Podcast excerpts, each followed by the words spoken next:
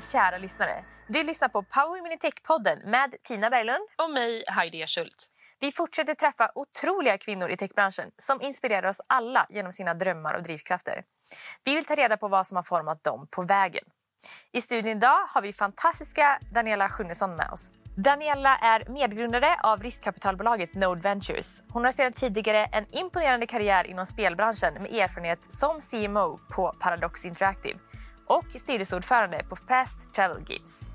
I CMO-rollen har hon även varit med på e-handelsresan med Skin City. Danielas mod och driv gör att hon inspirerar många, både i karriären och på det privata planet. Varmt välkommen till podden, Daniela. Tack snälla, vilket fint intro. Fantastiskt. Det kanske man ska börja varje morgon med. ja men verkligen. Ska vi ringa ja, dig varje morgon? Det är inte så ofta som man äh, möts av det liksom så här på förmiddagen. Nej. Äh, ja, tack. Hur mår du idag? Det var fint. Jag mår jättebra. Jag har en kaffe i handen och kom precis in här på Nordnet-kontoret och eh, är taggad ja. att vara med. Idag. Härligt. Ja. Och vi har så mycket att prata om så vi, vi drar igång direkt. Du har minst sagt en imponerande karriärresa. Du gjorde en spännande karriär på spelbolaget Paradox Interactive. Har du ett eget intresse för gaming? Jag har spelat sedan jag var barn. Jag, eh, framförallt eh, så spelar jag Nintendo-spel och det har jag gjort sedan jag var väldigt liten, ung. Så jag har spelat jättemycket eh, super, olika Super Mario-titlar, spelat mycket Zelda, lite racingspel och sådär. Men eh, jag skulle nog beskriva mig som en ganska så här casual gamer eh, i jämförelse med den typen av målgrupp som vi riktade oss till på Paradox. Ingen hardcore gamer. Så. Nej. Det var ju verkligen något speciellt med Super Mario. Det spelade jag också när jag var liten. Ja, och idag så spelar jag det med, eh, med kidsen hemma. Det var kul. Så att, eh, det känns som att den liksom har följt med hela vägen. Så nu spelar vi Switch då, som liksom senaste konsolen. Och du fick ju allt mer ansvar på Paradox och satt även med i ledningen och ansvarade för, att marknad, för marknad och sälj. Hur växte du som person under den resan? Otroligt mycket skulle jag vilja säga. Jag kom in direkt från skolan på Paradox. Det var mitt första riktiga jobb och eh, jag fick lära mig liksom, det var verkligen learning by doing. Och så hade jag en väldigt, väldigt bra mentor och chef, eh, Susanna Messa, som eh, var CMO när jag kom in och som senare blev vice VD. Och hon var en mentor längs med hela min resa där och är även det idag på många sätt. Fint. Ja, men jättekul. Så det var ju en, liksom, en otroligt lärorik resa med många ups and downs och eh, man var ständigt utanför sin comfort zone liksom, kändes det som. Vilket jag lärde mig senare var liksom ett läge som jag trivs ganska bra i. Att få utmana mig själv och liksom känna att jag lär mig nya saker och stundtals känna att jag inte riktigt vet vad jag håller på med men eh, för att sen liksom försöka ta mig an och lära mig och bli bättre liksom, på olika saker som jag tar mig för. Det är oftast där jag trivs bäst. Ja, men du hade väl fyra olika roller? Um, ja, precis. Jag började ju med, det var lite så som jag kom in på Paradox jag skrev min uppsats om eh, online communities och eh, det här var innan eh, Facebook var liksom stort. Så, och Paradox hade ett ganska stort onlineforum där man diskuterade spelen. Och jag kom in och studerade det forumet och skrev min uppsats om det. Och sen kom Facebook och de andra sociala mediekanalerna och då behövde ju Paradox ta ett grepp om det. Och eh, såg ju också att mycket av framtiden för marknadsföring ligger i den typen av mediekanaler. Och eh, givet att jag då hade satt mig in i lite hur spelarna kommunicerar med varandra i, i de forum som fanns eh, sen innan så föll det, sig ganska naturligt att jag kom in och, och tog den rollen för att bygga upp de här nya kanalerna. Så spännande! Så det var där jag började och sen så växte ju bolaget väldigt snabbt och eh, successivt så, så fick jag mer och mer ansvar för, för andra omkringliggande delar också på marknadssidan och så småningom även hela marknad och eh, sälj. Om du skulle beskriva dig själv som en karaktär i ett spel, vilka styrkor hade du haft om du baserade dem på din personlighet och egenskaper? Det där är en jättesvår fråga tycker jag. Men eh, jag skulle nog vara någon karaktär i något äventyrsspel. Eftersom jag spelat en del Zelda så kanske jag skulle liksom kunna jämföra vissa av mina drag med Link i Zelda. Slänger sig in i liksom nya utmaningar, eh, inser längs med vägen att man eh, kanske tagit sig lite vatten över huvudet men försöker liksom navigera runt och hitta vägar framåt för att låsa upp nästa kapitel. Liksom. Ja, jag sitter och funderar på, jag hade typ varit så här vad heter det barnprogrammet? Så hon Dora som går runt med en väska. Hon tappar Ja. bort grejer, eller hur? Ja. Ja, that would be me. Ja, ja, men jag kanske också har lite eh, Dora eh, i mig. det, är liksom, det, det blir ju så också lätt när man, när man eh, är med i en kontext där man är med i ett sammanhang där saker och ting liksom behöver gå väldigt snabbt.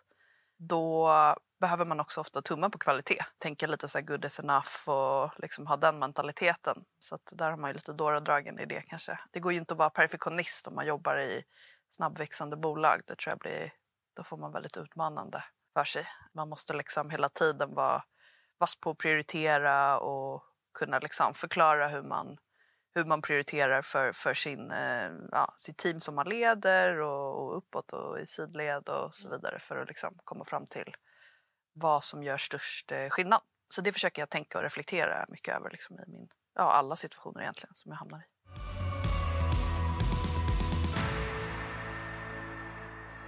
Du har ju tidigare beskrivit dig som väldigt orädd. Har du alltid varit det, även som barn? Ja, skulle jag nog säga. Eller orädd vet jag inte, men eh, nyfiken i alla fall. Liksom att jag letar efter eh, nya sammanhang, eh, försöker liksom lära mig nya saker. Det tror jag haft med mig sedan jag liksom var, var barn. Jag minns en gång till exempel när vi var ute och reste med familjen och jag bara eh, försvann och det hände faktiskt flera gånger. Eh, har jag fått återberättat för mig. Då var jag väldigt liten och så kunde de hitta mig utanför något skyltfönster med någon godisbutik eller något. Så stod jag där. Men jag hade bara gett mig iväg på egen hand liksom, utan någon tanke på att eh, jag kan försvinna. Det, fin- det finns någonting där liksom, Som som, dragen finns kvar som, ja, men lite så. Att, så här, jag, gillar också, jag gillar att gå min egen väg. Jag tycker inte så jättemycket om när det blir så här att eh, man ska bara följa strömmen eller att man är för... Eh, ja, men att man lyssnar för mycket på vad andra tycker och tänker. Det är klart man måste ta in andras perspektiv. Men jag tror ändå på att det finns en styrka i att också reflektera liksom, över sin egen eh, situation och vad man kan bidra bäst. Och man får friheten och utrymmet att liksom göra saker och ting på sitt eget sätt. lite grann. Det stärker både en själv och jag tror det stärker en, eh, ett team, liksom, eller en teamdynamik som man är en del av. Hur hittar man den styrkan? Jag har mediterat en hel del genom åren och då um, lär man sig ju mycket om självreflektion och liksom att eh, ja, men se inåt och ställa sig utanför sig själv och liksom försöka vara reflektiv kring ens egen situation och beteenden. Och har också funderat väldigt mycket på liksom vad jag får och, och vad som tar energi. Försökt liksom optimera mot att jag gör mer av det som ger energi. Eh, där finner man ju ofta också sina styrkor. och att göra mindre av det som tar energi och där jag kanske inte är så vass. Liksom. Och att hitta tid för sig själv liksom också att reflektera. Det är så lätt att man bara springer liksom. Mm, och så man, när man jobbar hårt och mycket så, så gäller det att man hittar liksom små andningspauser för att så här, fånga upp de där tankarna eller magkänslan. Så bra att du tar den tiden för reflektion. Ja, det är inte alltid så lätt att hitta den tiden men man, eh, man kommer få sig själv. Jag tror att det handlar väldigt mycket om övning. Eh, ju mer man praktiserar det, ju mer naturligt kommer det till en.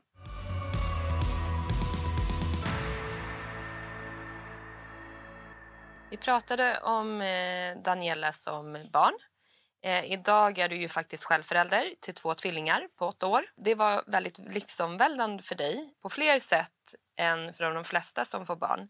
Vill du berätta mer om det? Ja, men absolut. Jag fick ju tvillingar 2015, mitt i karriären. Ett par år senare så fick jag reda på att de har eh, två diagnoser. Så båda två har, de är eh, identiska tvillingar, så de har eh, intellektuell funktionsnedsättning och autism och är non-verbal. Så att de, eh, de har inget liksom, muntligt språk utan de kommunicerar på alternativa sätt med talsyntes och med tecken.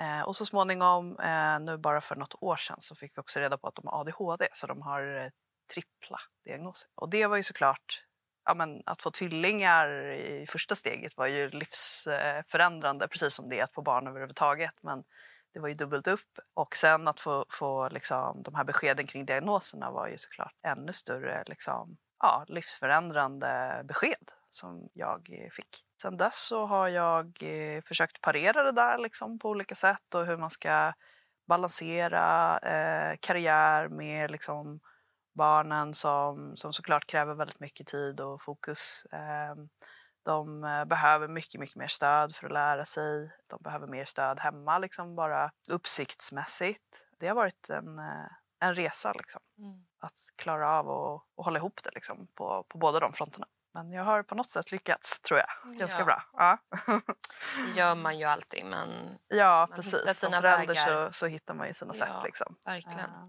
så är det. Vilket stöd från din omgivning har varit avgörande för dig för att kunna bolla karriär, välmående och familj? Då? Jag har ju barnen tillsammans med en eh, för detta partner och så har jag en, eh, en eh, ny man som är ett otroligt stort stöd för mig. Så att vi, vi har barnen då varannan vecka och han har även två barn sedan en tidigare relation. Och varannan vecka har vi fullt hus med liksom, eh, ja det är ett jäkla drag kan jag säga. Och vi hjälps åt att liksom få ihop vardagen den veckan. Och vi har också bestämt sinsemellan att eh, vi, vi försöker att liksom inte lägga några jobb eh, engagements på kvällar till exempel de veckorna. Vi är tvungna att hämta barn liksom, eh, rätt tidigt eh, på dagarna så vi kan inte jobba till sex liksom, som vi annars gör. Så hjälps vi åt med det helt enkelt och utan hans stöd hade det ju inte gått ihop. Väldigt lyckligt lottad att eh, jag har träffat honom och att han har liksom, anammat situationen och barnen liksom, på det sättet som han har gjort. Sen varannan vecka då jobbar vi ju desto mer men vi har också mer tid för varandra så vi lever mycket mer flexibelt. Liksom. Vi lever väl ett dubbelliv på ett sätt kan man säga. ja. Kanske också ger balans. Ja, men det ger balans och liksom det, du får en viss typ av energi när du är med barnen. En annan typ av energi när man är liksom, har mycket frihet och, eh, och får orientera sig mer mot liksom, jobb. Jag tycker ju att det är väldigt, väldigt roligt att jobba så att jag liksom inte eh, jag vill inte tumma på den delen heller men jag tror att vi har hittat en ganska bra liksom, balansgång i det här att eh, vi kör liksom varannan vecka. Du är väldigt transparent och rak som person, eh, upplever vi och jag tror även att du själv kanske håller med. Ja, Ja. jag tror det. Ja, för det mesta i alla fall. Hur har de här egenskaperna varit avgörande för dig för att liksom ha en sund work-life balance? Nej, men jag tror att när jag var yngre då och när jag kom in på Paradox där och liksom mina ganska många år av min karriär så har jag bara kört på. Det har ju haft att göra med att jag har tyckt att det varit så otroligt kul. Jag har inte separerat jobb och fritid. Det var ju liksom pre-kids. Jag hade bara mig själv att bry mig om. Liksom det, det, var, det var en annan del av, av, av livet, liksom en del av resan. Sen eh, allt eftersom man liksom blir äldre, får barn, familj så, så har ju jag insett att eh, jag kan inte jobba som jag gjorde då och jag vill inte heller göra det. Det hade varit ganska tråkigt om man liksom bara lever för att jobba. Då har jag eh, använt de egenskaperna. Att jag, jag har ganska lätt för att vara rak och transparent och det har jag använt liksom till min fördel mot min omgivning. Så att jag, jag brukar försöka vara ganska tydlig med liksom hur, hur min setup ser ut och eh, vad man kan vänta sig från mig. Det har lett fram till att jag också enkelt har kunnat liksom, ta den tiden jag behöver till återhämtning. Och jag är ju också av åsikten att eh, jag tror ju att man gör ett otroligt mycket bättre jobb också om man jobbar liksom mer fokuserat med liksom kvalitet och hårdprioriterar liksom sakerna som gör störst skillnad med den tiden man har än att man kör liksom in i kaklet och jobbar jämt. För att jag tror att man blir mindre effektiv. Och så försöker jag se det. Och jag, eh, till exempel så på helgerna så är jag ofta offline. Om det dyker upp någonting akut liksom, som behöver hanteras som är jobbrelaterat då, då tar man ju tag i det. Men jag har som grundprincip att det är, liksom, det är de dagarna jag har för återhämtning liksom, fullt ut. Men hur lär man sig prioritera? Det handlar ju mycket om att återgå till vad de övergripande målen är.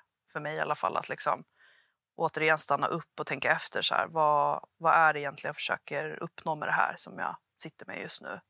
Och då tycker jag det blir lite lättare. Sen har väl jag alltid haft en ganska, ganska lätt för mig att prioritera och se liksom vad, vad gör skillnad, vad känns mer som nice to have versus need to have. Liksom.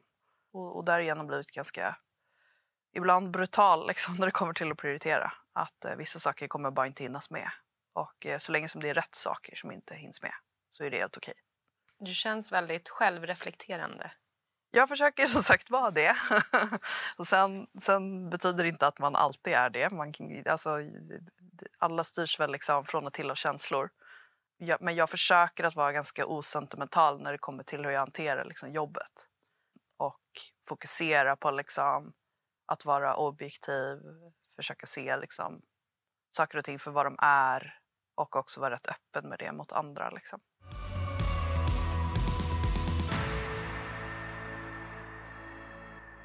Idag är du partner på riskkapitalbolaget Node Venture som grundades tidigare i år och investerar i techbolag. Vad fick dig ta steget att starta, starta Node? Det är superspännande faktiskt. Jag eh, kom i kontakt med John Elvesjö som är den personen som har satt ihop våra team, som är managing partner på, på Node. Jag kom i kontakt med honom i styrelsen för Fast Travel Games där vi satt tillsammans ett antal år och, eh, och sen så när han skulle starta upp sin nya fond så fick jag frågan om jag ville vara med som co-founding partner. Och, eh, jag har jobbat lite grann med eh, tidiga bolag, eh, eh, gjort en, några stycken ängelinvesteringar och eh, varit med i lite olika styrelser och har tyckt att det, den delen av liksom, eh, min karriär har, har varit väldigt rolig. Att, eh, att just va, få vara med liksom som bollplank till, till tidiga grundare och eh, ja, finnas där någonstans i kulisserna liksom, och, och försöka hjälpa dem med både dela med mig av liksom mina lärdomar men också kanske bara vara en sounding board ibland. Det var anledningen till att jag ville hoppa på. Eh, det tillsammans med Johns vision för vad han vill att Node ska vara. Eh, han har liksom handplockat ett team med individer som de flesta av oss har eh, egna operativa resor bakom oss. Vissa har varit med och grundat bolag och byggt bolag. Andra har varit med liksom från på scale-up-resa, precis som jag har med Paradox. Visionen med Node är att vi ska vara liksom den typen av WC som, man, som, som, som John egentligen själv hade velat ha liksom, på sin eh, entreprenörsresa. Han, eh, han eh, grundade ju och byggde Tobii, ögontracking teknologibolaget. Jag gick igång liksom på den visionen i kombination med eh, att få jobba just med så här, tidiga grundare och titta på tidiga bolag och vara ute liksom, i det ekosystemet. Det har gått ett halvår nu ungefär. Vi kom ihop som team eh, i eh, maj 2022. Eh, så vi har hållit på ett tag och vi har, eh, vi har ju haft fullt fokus på fondresning, alltså att eh, resa kapitalet till fonden helt enkelt. Och nu har vi, är vi nästan liksom i mål och har börjat lägga en hel del tid på att titta på, på tidiga bolag. Nu sen, framförallt sen efter sommaren. Spännande. Så det är jättekul. Så att nu har vi ett antal bolag som vi tycker är högintressanta och som vi djupdyker i nu och förhoppningsvis så så blir det liksom de första investering här innan årets slut. Oj, vad spännande. Så ja, väldigt kul. Och vad är din roll på Node? Nej, men jag är ju eh, partner tillsammans med fem andra partners och eh, vi tillsammans är de som liksom ska göra investeringarna. Vi ska försöka hitta 25 ungefär bolag på de, under de kommande fyra åren. Jag har väl mycket en orientering åt eh, future of entertainment, alltså framtidens underhållning, eh, B2C men också olika typer av liksom, tooling eh, för utvecklare eh, inom någon av de där vertikalerna som jag tycker in. Jag har ju jobbat eh, mest inom spel men också lite inom e-handel. Alla bolag som, som faller inom liksom någon av de där eh, de, de hamnar oftast hos mig eller jag blir inblandad på ett eller annat sätt i att titta på dem. Och sen så har vi en investeringskommitté som består av oss sex partners och där ingår ju jag förstås och eh, det, det är så vi tar beslut om vilka investeringar vi ska göra och inte. Ni specialiserar er på digital underhållning som du sa, eh, framtidens arbete och plattformsteknologi, mm. deep tech. Hur håller man koll på det senaste inom tech? Det finns ju hur mycket som helst.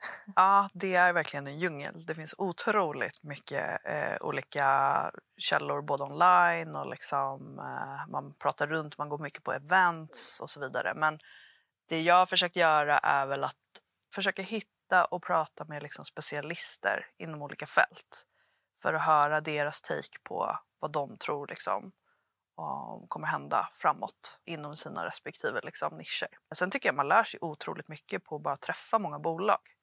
Jag tror vi har träffat närmare 600 bolag i år.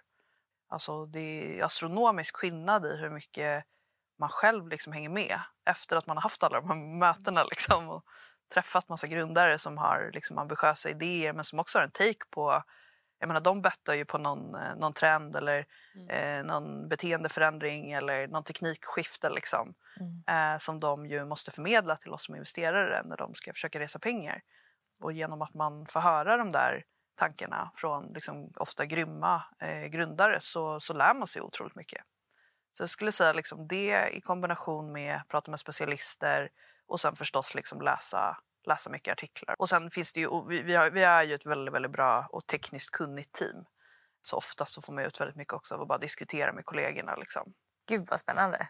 Det är väldigt kul. Men nu när du är inne på det, hur ser ni på framtiden på Node? Det har ju varit liksom lite lågt tempo när det kommer till investeringar i early stage nu i år egentligen och, och det börjar väl röra på sig först nu, tycker vi att se. Det görs fler transaktioner. Vi har sett en hel del väldigt intressanta liksom, nya startups som dyker upp bara här på, på höstkanten. Den underliggande trenden över tid tror vi ändå är liksom att vi, har, vi är en region med väldigt mycket talang.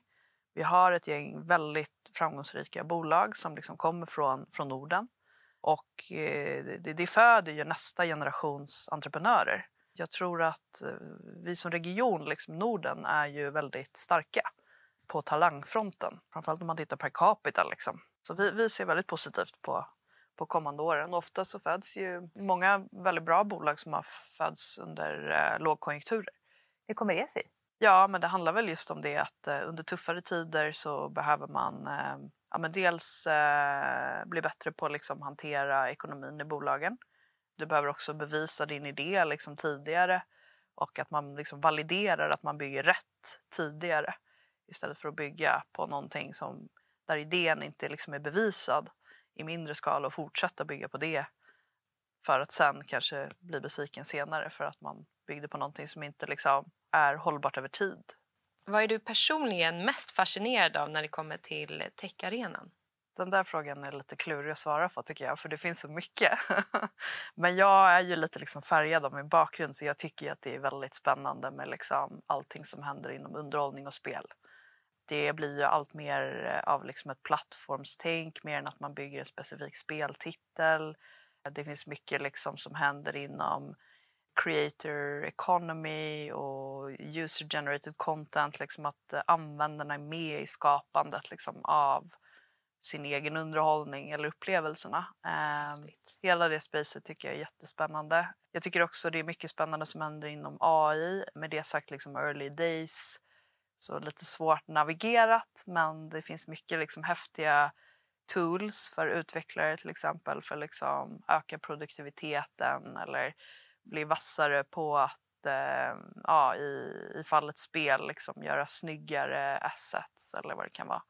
Ja, men ni hör ju, jag är ganska tiltad åt liksom mina, mina operativa erfarenheter och sådär. Så. Det kanske är bra dock.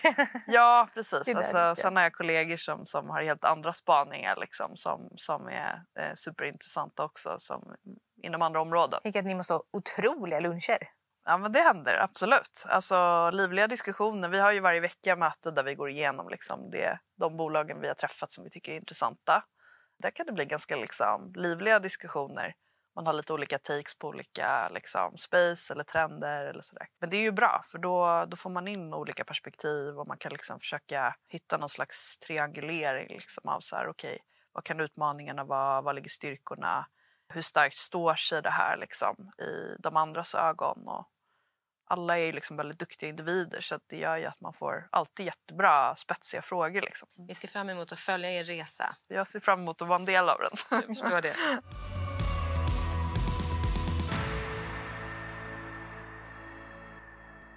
Det går alldeles för snabbt, som alltid. Så Daniela, vi är jättenyfikna på att höra vilken app är den första som du öppnar på morgonen? Det är faktiskt en app som heter Feedly där jag har eh, samlat massa olika nyhetssajter inom de områdena som jag följer. Så det är liksom världsnyheter, tech, gaming, VC.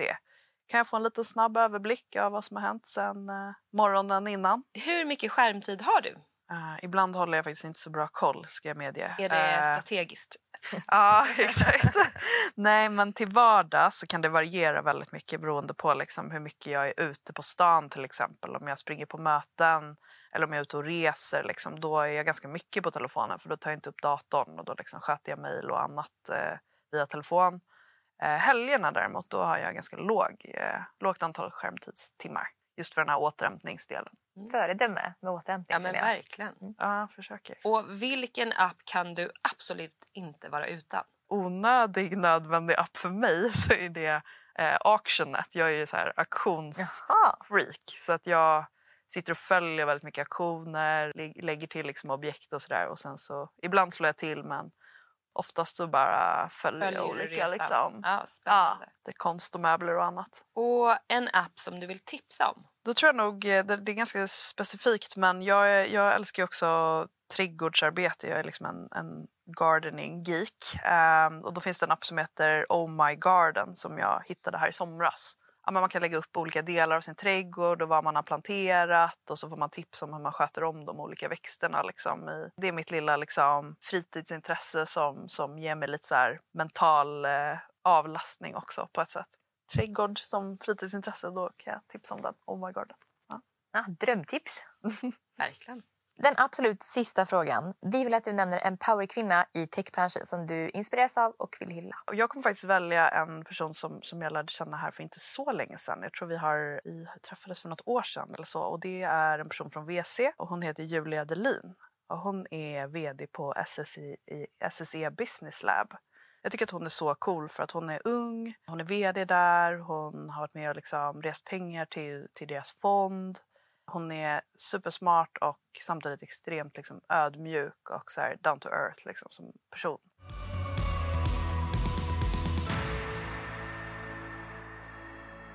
Stort tack för att du ville vara med i podden, Daniela.